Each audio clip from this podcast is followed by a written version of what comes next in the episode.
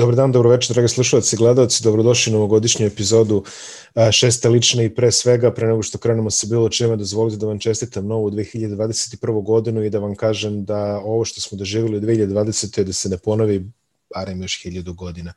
Sve znate kako je bilo, sve znate o čemu se radi, nećemo puno ulaziti u te neke sumorne detalje, vreme je da sumiramo ovu godinu koja je za nama sa nekog sportskog plana. Što se podcasta tiče, uh, i podcast išao kao i sportska takmičenja, krenuo je, pa je stao, pa se nastavio, uspeli smo da snimimo koliko već, 20-30 epizoda, da se ispovezujemo nekako i da ovaj, radimo najbolje u datim okolnostima, malo studio, malo od kuće, malo ovako. Bilo je različitih gostiju, bilo je interesantnih priča kao i svake godine i pred vama je jedan mali godišnji pregled kakav ste u ostalom imali priliku da gledate i prošle godine. Kao što znate, centralni događaj na planeti u ovoj godini koja je za nama bila epidemija COVID-19, a, jedna od liga koja je prva odustala od dalje takmičenja na, nakon prvog naleta epidemije bile su Sjedinjene američke države, to jest NBA, a mi smo imali našeg čoveka u Mehuru u Orlandu, pa kako je to izgledalo možete čuti upravo od njega u ovom prvom segmentu. Izgleda je mm, veoma nadrealno ovaj, cijela ta situacija, sve se dešava nekako jako brzo, ovaj, ali, ali sve vreme osjećalo se, u, nekako atmosfera se polako menjala. Znači, ovaj, ja se sjećam da sam, bili smo u Portlandu na utakmici, baš taj dan, na, na dan utakmice, ono, ja sam pratio šta se dešava u Evropi, šta se dešava u Italiji, Španiji, to još uvek nije dolazilo do te ozbiljnosti ovaj, do, do Amerike. Tako da sećam se da sam razgovarao sa pomoćnim trenerima i sa, sa trenerima u stručnom štabu da su imali gledali malo te nekao da sam lud, ovaj, šta ovaj priča. Rekao, poslao sam suprugu da kupi namirnice, da sredi situaciju, da, da ono budemo sigurni kod kuće iz prostog nekog razloga što ono, mi smo nekako naviknuti na, na te vanredne situacije, nama je nekako ceo život vanredna situacija. Ovaj, tako da oni su me gledali onako šta se ovo dešava, međutim ovaj, već nekoliko dana posle toga kada je liga zaustavljena, sve oni su svi bili ono, pa ti si bio u pravu Ovaj, gledali smo šta se prati na toj utakmici između, šta se dešava na toj utakmici između Jute i Oklahoma City-a, kada su oni suspendovali utakmicu, Ovaj, onda sam kontaktirao sam odmah ljude i prijatelje iz Oklahoma City da šta se dešava. Oni su njih držali uh, satima m, od tog trenutka u hali, nisu dozvolili nikome od igrača i stručnog štaba da napusti dok nisu odradili sva testiranja, doveli doktora i tako dalje.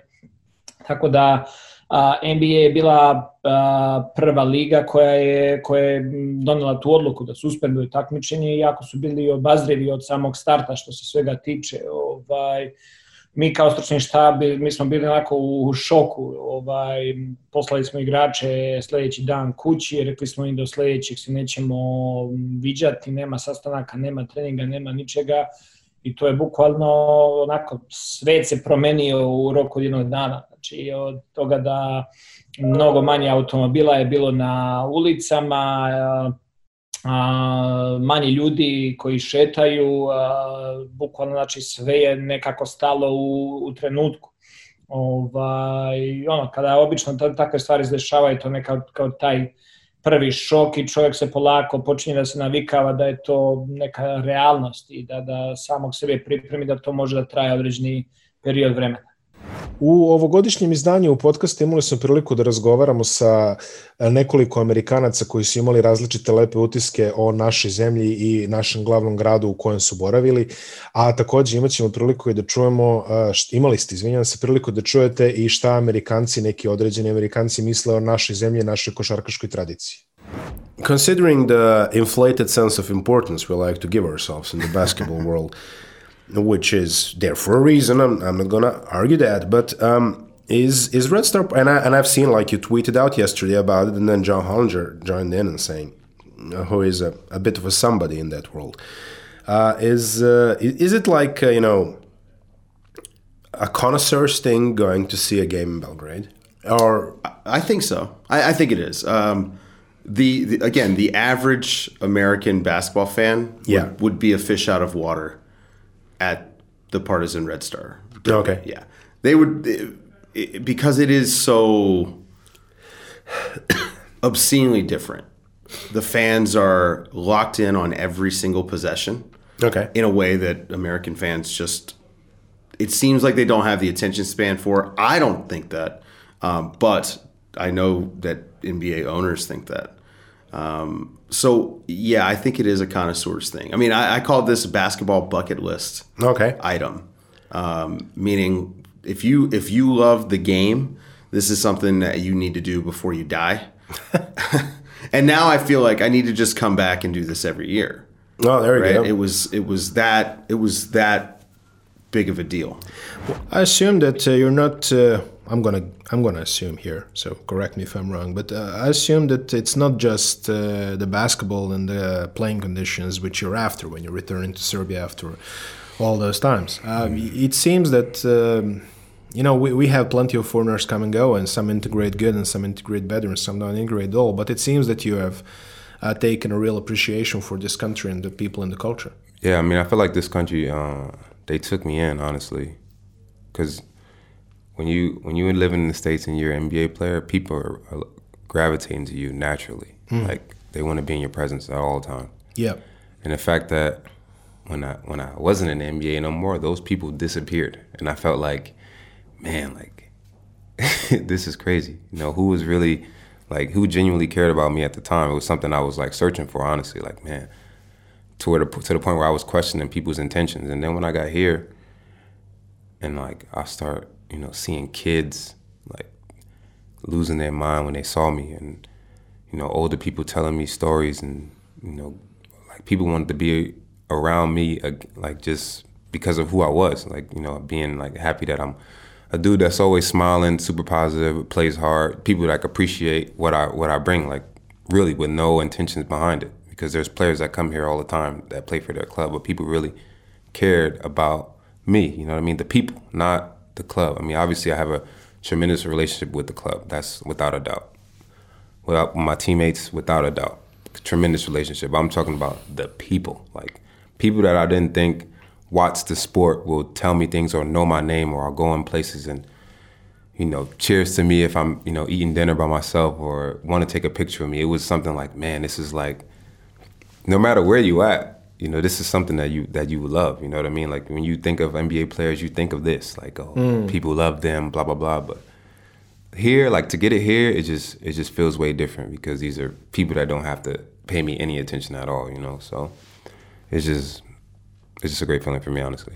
ono što što je uh, u Arizoni poznato, imali smo uh, recimo Bill Waltona kao komentatora, znači on je tu, ne znam, možda 50 mojih utakmica kod kuće prenosio, 50% utakmica je prenosio on. I recimo pre svaku utakmicu, pre svaki daš šuterski trening, on bi bio tu, pričao sa igračima, interesovao se za njih, odakle dolaze, recimo imao je stvarno, ja sam imao odličan odnos sa njim, jer uvek je uh, voleo interna, internacionalne igrače koji dolaze iz, izvan nekih drugih, izvan Amerike. I sećam se ovaj, mog prvog iskustva sa njim, uh, ja bio sam freshman, znači to je moja prva sezona na, na Arizoni, i ja sam onako došao na, na teren i došao sam na teren ranije da se zagrejem, to je znači šuterski trening, recimo 5 sati pred utakmicu. I moj PR uh, Arizone tadašnji mi prilazi i kaže mi, uh, e, hoće jedan gospodin koji inače Hall of Famer, osvojio je toliko, toliko titula u NCAA-u, u NBA-u, Mislim, ja znam o kome priča, ali on je mislio da ja ne znam ko je bio Walton. Da, da, da. meni, meni sve vreme objašnjavao ko je to i, i ovaj, jednom trenutku kaže, evo, Bill Walton hoće da popriča sa tobom pred utakmicu, da te pita, da se upoznate, pošto on stvarno, stvarno voli da, da upozna igrače pre nego što krene da, da priča o njima na, na prenosima. I eto, tako smo up, upoznao sam njega na, na, na to je jedna od mojih prvih utakmica kod kuće i onako on je baš me ostavio jedan veliki, veliki trag na mene, jer ne znam, zamisli sad nekog prosječnog Amerikanca, komentatora, mislim, on uopšte nije prosječan, ali zamisli sad da ti neko dođe, prvi put da te vidi u životu, i da recimo, da krene tebi da priča o, o, tvoj, o tvoj državi, pa mi je počeo priča kako je imao ovaj, sa, sa, sa timom Amerike turneju po Jugoslaviji, ne znam tačno koje godine zaboravio sam, ali pričao mi kako je... 75. 6. možda recimo. Ajde. Sedam, da, neke, neke sredine 70. godina su u pitanju i pričao mi kako je igrao protiv vrhunskih igrača, koliko je bio oduševljen tada Ćosićem, njega je stalno, stalno uh, uh, ovaj, pričao o njemu. Koliko Dosta su bio, slične igračke njih dvojce, inače. Jako slične, da, onda je posle, mislim da su čak igrali jedan protiv drugog. Moguće. Na BYU, nisam Da, da, da, na BYU je bio, ali ne znam da su igrali sad. Nisam ja 100% siguran, ali znam da je on igrao protiv njega, da li za reprezentaciju ili kako god već, i da ima jako, jako uh, lepe komentare o njemu. I naš, u, u svom tom nekom upoznavanju, on naš, u jednom trenutku dolazi sa onim iPadom i otvara mi Google Maps ili Apple Maps, nije mi bitno, i ako pokazuje mi, aha, ti si iz Novog Sada, ovo je, ovo je Danube River, znači ovo je kao Dunav, da. ovo, je, ovo je pokušao da izgovori Fruša Gora, znaš, a ne može da izgovori Fruša Gora, nema šanse.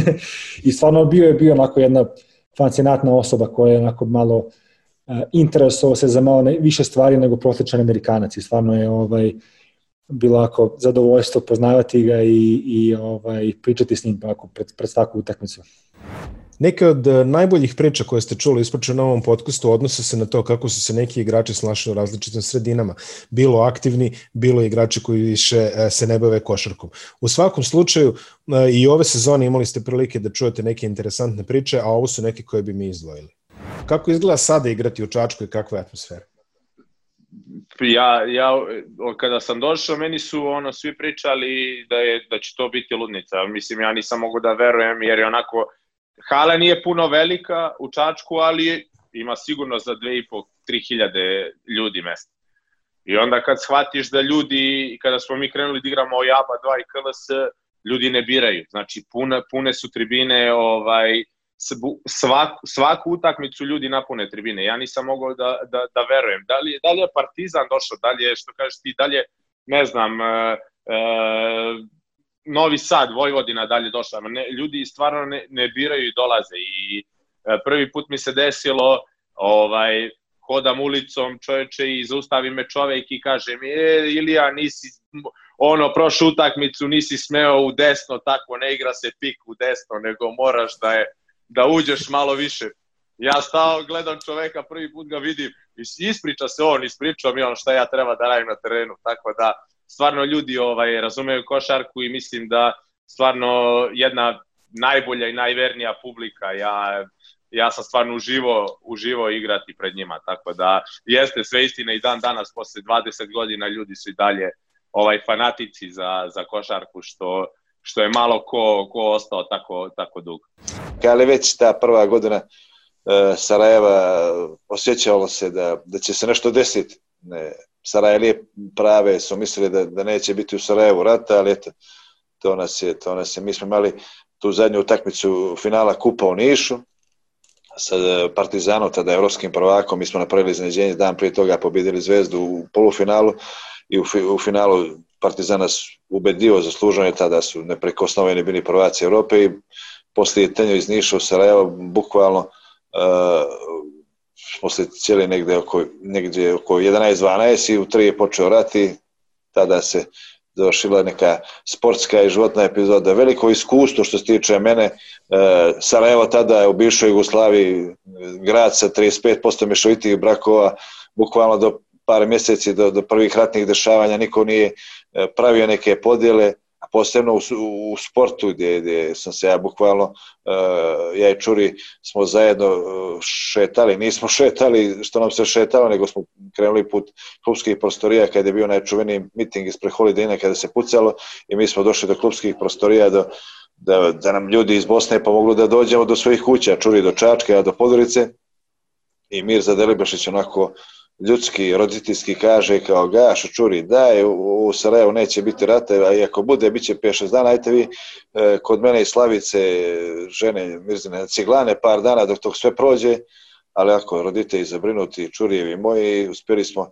uspjeli smo opet uz pomoć e, sa igrača iz Bosne, Marija Primorce, koji nas je bukvalno kroz Sarajevo od, hot, od stana do autobuske stanice vozio, gdje je već i mrtvih ljudi bilo gdje se pucalo i uspio da nas prebači iz autobuske stanice, mi smo nekim varednim autobusom pošli prema Novom Sadu, kasnije i Beogradu i čuli za Čačak, ja za Podrici, Ali moram reći jedno veliko iskustvo i dan danas kad pođemo u Sarajevo, naravno nije to ono isto Sarajevo kao što je bilo tih godina, niti ima još tih ljudi pravih Sarajlija, puno kao svim gradovima, svi se nešto žalimo kad dođemo u Beograd, pravi Beograđani kažu, e, nije ovo Beograd kao što je bio, ali Podgorica, isto Zagreb, tako ni Sarajevo, ali uvijek mi jedno lijepo osjećanje budi liše tih scena, nažalost, ratnih, i uvijek kad se sretnem s pojedinim ljudima koji su bili tada u Bosni, rado se i fino ispričamo, tako da uvijek idemo svake godine na memorial Mirza Delibašića, eh, jednog vrhunskog čovjeka, eto koliki je igrač bio, mislim da je bolje čovjek bio, a možete misliti onda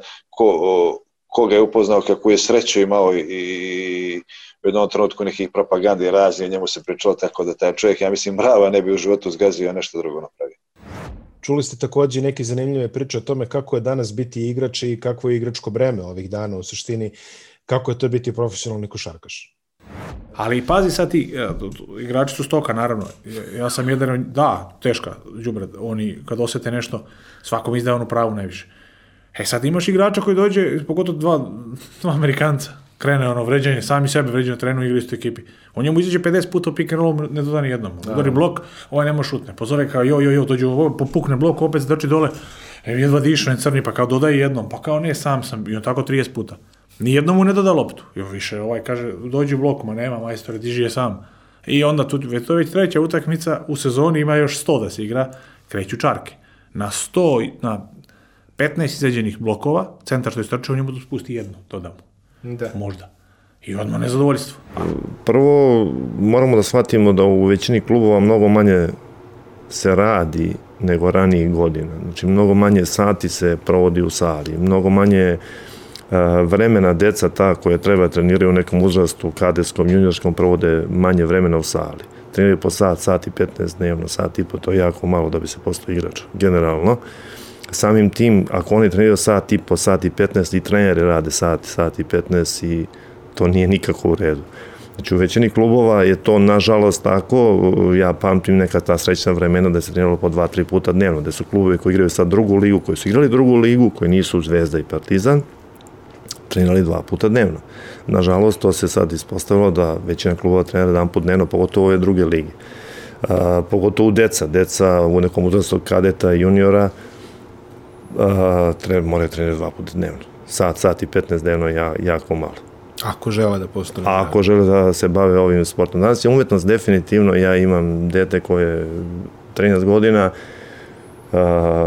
danas je umetnost odvoj, odvojiti dete od nekih kompjutera, laptopova da treniraju. Ja imam sreću da sa mojim sinom to nekako funkcioniše kako treba, ali generalno je umetnost odvojiti decu od toga i a, roditelji čim malo opterete se deca sa nekim treningom odmah pričaju kako su im deca umorna, kako ne mogu da izdrže. Ja stvarno pamtim vremena, ne samo ja, trenirala se od 5 do 7 sati dnevno. Neke od možda i najkvalitetnijih priča koje ste čuli u ovom podcastu su priče o velikim trenerima. O trenerima koji su sada aktivni, trenerima koji su obeležili našu košarku u prošlosti. Ni ova sezona, ni ova godina nije prošla bez nekoliko od tih sjajnih priča. Moram samo jednu stvar da kažem, recimo za taj derbi koji sam ja dobro kao odigrao, uh, utakmicu pre toga mi smo igrali sa radničkim, dobili smo i radnički jedva na produžetak, Uh, ja sam dao 33 poena, bio sam u nekom dobrom ritmu tih nekih utakmica do tog Partizana i uh, interesantna situacija gde, gde smo mi završili trening i, i šutiramo na pomoćnom terenu u Pioniru, deli onaj veliki paravan. Da. I ja sa jednim od pomoćnih trenera šutiram, vežbam neke, neke svoje pozicije i Dule Vujošević uh, prekida svoj trening ili išao nešto do slačionice, ne znam šta da uzme.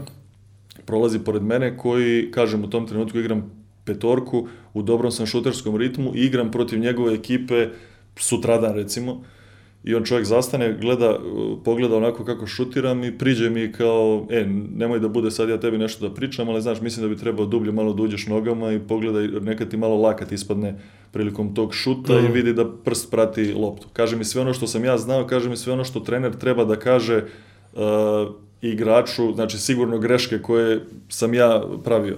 E sad pričam samo o veličini jednog Duleta Vujoševića koji yes. protivničkom igraču ispravlja šut na dan pred utakmicu. Znači sad dolazak u hotel, to, to, to nikad ne mogu zaboraviti. Sad onako okrugli stolovi, znaš, mi tu sad sedimo, znači niko ništa ne priča, svi nešto kao čutimo. Znači, svi, znaš, u čudu MC umora, ne, ne znaš šta se dešava i u jednom trenutku neko slučajno razbije čašu i onda tu nastupa profa. Profa kaže, Željko, na šta ovo liči, ovo ponašanje, razbijaju čašu, ovo, ono, jeste vi normalni, znate s kim igramo u subotu, sledeću, a mi smo igrali sa Slobodom Tuzlom. Da, da, da, Znači, sa Slobodom iz Tuzle igramo, oni dobra ekipa, mi, brate, u čudu, mi, ono, sagli glavu, Tek šta se dešava, sagli. šta se dešava, razumeš, onda Željko tu pokušava da malo situaciju opusti, da ovo, da ono, znaš, i posle toga bilo to neko slavlje u diskoteci, i tako.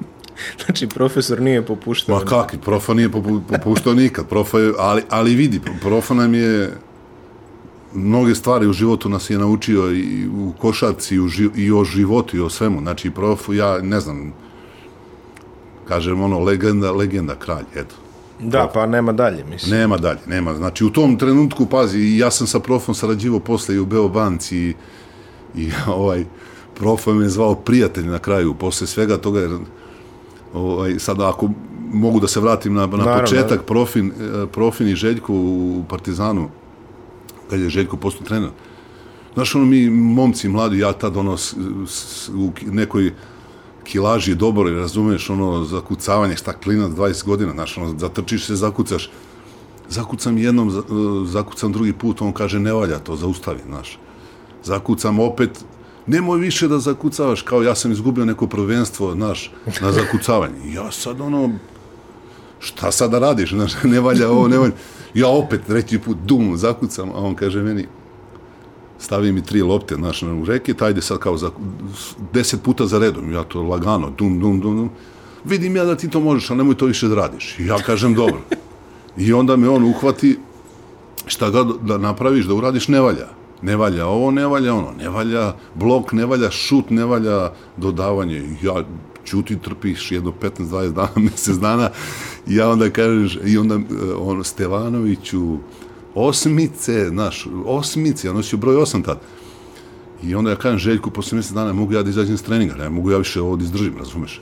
I onda profa kaže, pusti ga, nek ide da se odmori, znaš. I kad sam sledeći trening došao, on pred svima kaže, evo, danas te više ne zovem ni Osmice, ni Stevanoviću, da danas si ti moj prijatelj, znaš. I dokle god smo komunicirali, pričali, ja sam bio njegov prijatelj. Eto, više me nije opominjao ni za šta. Razumiješ? E, istrpeo si. Istrpeo sam, ali onda je posle preuzeo bio Koprivu, Dragutinovića, Šarića. ja- imao- imao je Ima, nekog ima. Uvek imao pacijenta nekog, da. Kako ste već navikli, nažalost, ovaj podcast čuven je po svojim užasnim prognozama, a ja prednjačim u njima. Međutim, ove sezone imali smo neke i dobre prognoze, koje naravno ja nisam izrekao, a boga mi i neke manje dobre. Koliko ti je bilo teško da se ukačeš u ove domaće trendove nakon koliko? Šest godina po i više? Da. Šest godina, ne po Americi, četiri u Americi, dve u Španiji, znači Da. eto, neko vreme nisi bio tu. Ok, u kontaktu si preko reprezentacije, ali koliko ti je bilo, neću kažem teško, nego... Misliš da se vratim da igram? ovdje, Tako je, da, da. Pa nije bilo teško. Po- U Beogradu. Pazi, u, poslednje vreme uh, imali smo par tih povraćaja iz, iz recimo Ristić, kao koji se Da. već spomenuo, u krajnjoj liniji Stefan Janković takođe tu, mm Mhm. -hmm. uh, Nikola Jovanović isto jedan i iz te škole, Mhm. mm -hmm. uh, i ostavljali su mešovite utiske, neki nisu umeli da se snađu, neki su našli bolje, neki su našli gore. Da. Uh, iskreno govoreći, šta ti misliš, kako ćeš se ti snaći? Pa ja mislim da će snaći dosta dobro. Zato što, uh, dobro, ja sam igrao NCAA, ali ne znam koliko ljudi znaju, Gonzaga i taj neki sistem Mm -hmm.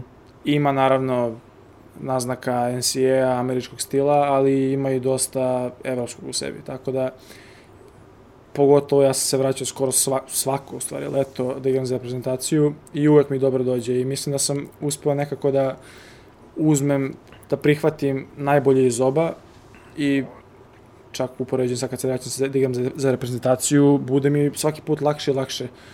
Zato što sam navikao da igram možda brže tamo, onda se ovde malo uspori, ali i dalje sam u tom sistemu evropskom i bio i ostao. Tako da mislim da će dobro snaći što se toga tiče. Naravno, u Beogradu sam trenera, znam, sa igrače, mislim, nemaš nigde u Trener ti je bio u 18. Da, Vlada Jovanović i ti nemaš u ekip, nemaš, ne znam uopšte da li imaš jednu ekipu u Evropi sa, na tom nivou sa tim prosekom godina, gde su bukvalno Ja kao da sam promenio koleđ, znaš u Beograd. si došao u Beograd na, ovaj, Na koleđ. na master. Na, O, otprilike. o, u suštini ovo ti je master. Otprilike. Ostala nam je posljednja serija za većinu srpskih ljubitelja košarke najinteresantnije, to je LA Clippersi protiv Denvera, ali mislim da ni ta neće da, da dotera. Možda još jedno. Pazi, Pa- Denver se već čupo iz 3-1, Da, jest. Ali ovo je druga priča. ali ovo je potpuno druga Da. priča.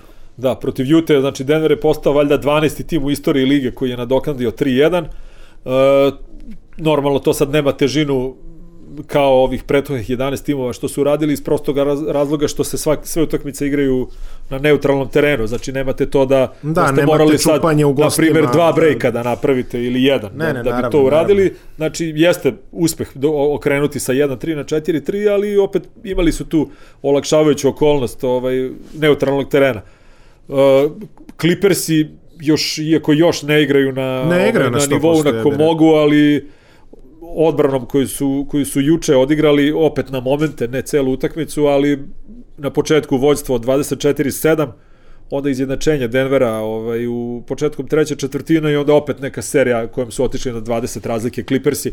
Znači, ono što se kaže igra mačke i miša, ovaj, kontrola odbrane kad treba, uh, Čuvaju se zatvaranje, oni za- zatvaranje Džamala Marija potpuno, za Nikola Jokić je jedini igrač za koga nemaju rešenja. Pa nemaju rešenja, ali to će strpeti. On im da 25-30 poena, ovi svi ostali spoljni igrači uh, realno gledano ovaj kad pogledaš malo nema baš ni, ni ko da da tolike tolike poene.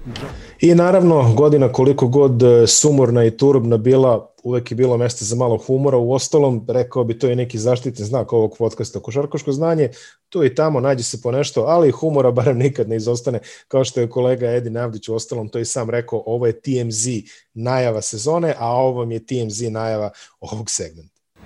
To, eto, sa te utakmice pamtim jednu stvar koju nikad u životu zaboraviti neću, a to je ovaj, treća, treća lična Mikanu Grušanoviću, koju ja sviram, ja, ja znam, vidim da je faul, ali ne znam ko je udario igrača Partizana, nis, nemam pojma. Vidim da je tu neka ruka ga pljesnula i na Mikana pokažem i shvatim da je treći faul njemu, što je u, vrlo rano u toku utakmice bilo i prolazim pored njega i on kaže, nije bio, diže ruku čovjek naravno, nije bio faul gura i majstor, okreće se ka svojim igračima i kreće se dere na njih, da oni igraju odbranu. I naravno Mikan je tu utakmicu napravio 10, 10 penala, nije bilo šanse da izađe do toga do kraja, znači to kupio me za ceo život, ali ovaj, eto to je veliki igrač koji mi je ostao To sa je prve utakmice. i Dolazimo iz, iz Makedonikusa, sad završava sezonu, naravno u Grčkoj hroničan problem sa, sa isplatama, sa parama. Mhm. Kada dobiješ prva plata, kad je bila, svi živi to obaveštavaju, leglava je plata, sve, sve je u redu, mislim, ok, prvo inostranstvo, valjda tako treba da me da obaveštavaju.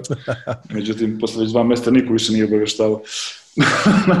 na pitanje kada će plata, avrio, avrio, u jednom momentu je bilo met avrio, znači preko sutra to je već znači kraj. Međutim, taj gazda je ulazi u neke probleme u, u Grčkoj država ga ne isplaćuje, on je bio glavni finansijer e, olimpijskog sela tamo, neka, ne znam, neka njihova priča.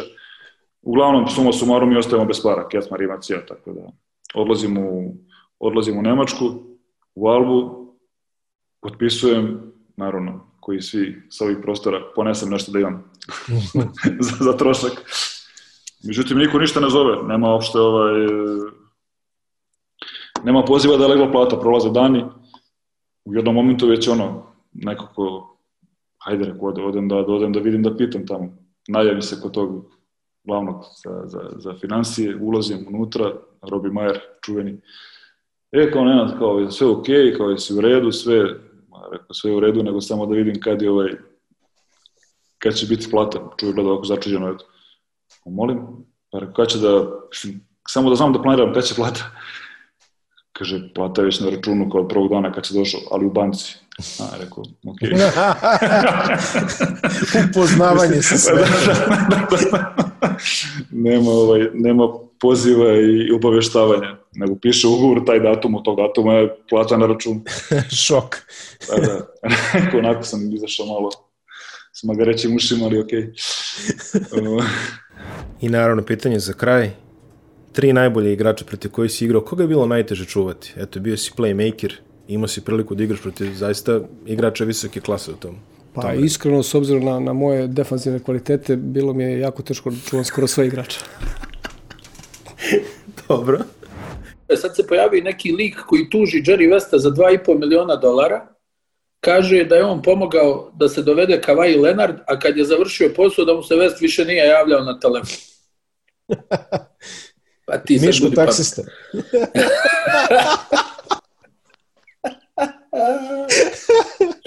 Ovo je dobro bio. Onaj, To je otprilike najbolje od onoga što se dešavalo 2020. najbolje, ali kako znate, kako već kažu, ne i jedino. Šesta liče se ponovo druži sa vama kroz nekoliko nedelja, sada idemo na zimsku pauzu, malo da se odmorimo i sve to, a vi umeđu vremenu pogledajte epizode iz 2020. Zaboravite bilo šta drugo što se desilo u ovoj godini i puno sreće u 2021. i nadam se da se svi živi i zdravi i da će tako i ostati u budućnosti. Vidimo se.